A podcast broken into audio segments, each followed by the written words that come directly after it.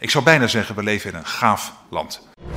In a world where TV is dead and the movies is not an Je option. kunt dan makkelijker een avondklok invoeren met, met rellen eh, die er dan voor zorgen dat de media vijf dagen over rellen gaat praten. Dan dat het gaat over structureel racisme bij een overheidsinstelling. Where social media are haunted by trolls. and Russians. Bang, bang, bang. Zo'n mooi geluid. Ja, het ijs zingt. Ja, en dat betekent dat het vaak niet sterk genoeg is voor een grote mensenmassa. Dan weet je wel hoe, in Den Haag hoe dat dan gaat. Ja, nou, dat is een mooie we gaan schaatsen. Ik wil 150 Shetland ponies in de Tweede Kamer.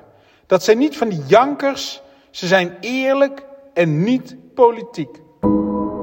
AAA-landje. Standard nog poor. Vanuit Groningen, Den Haag en Zwollywood aan de IJssel. Een podcast om moody van te worden. We zijn een triple-E-landje. Toch?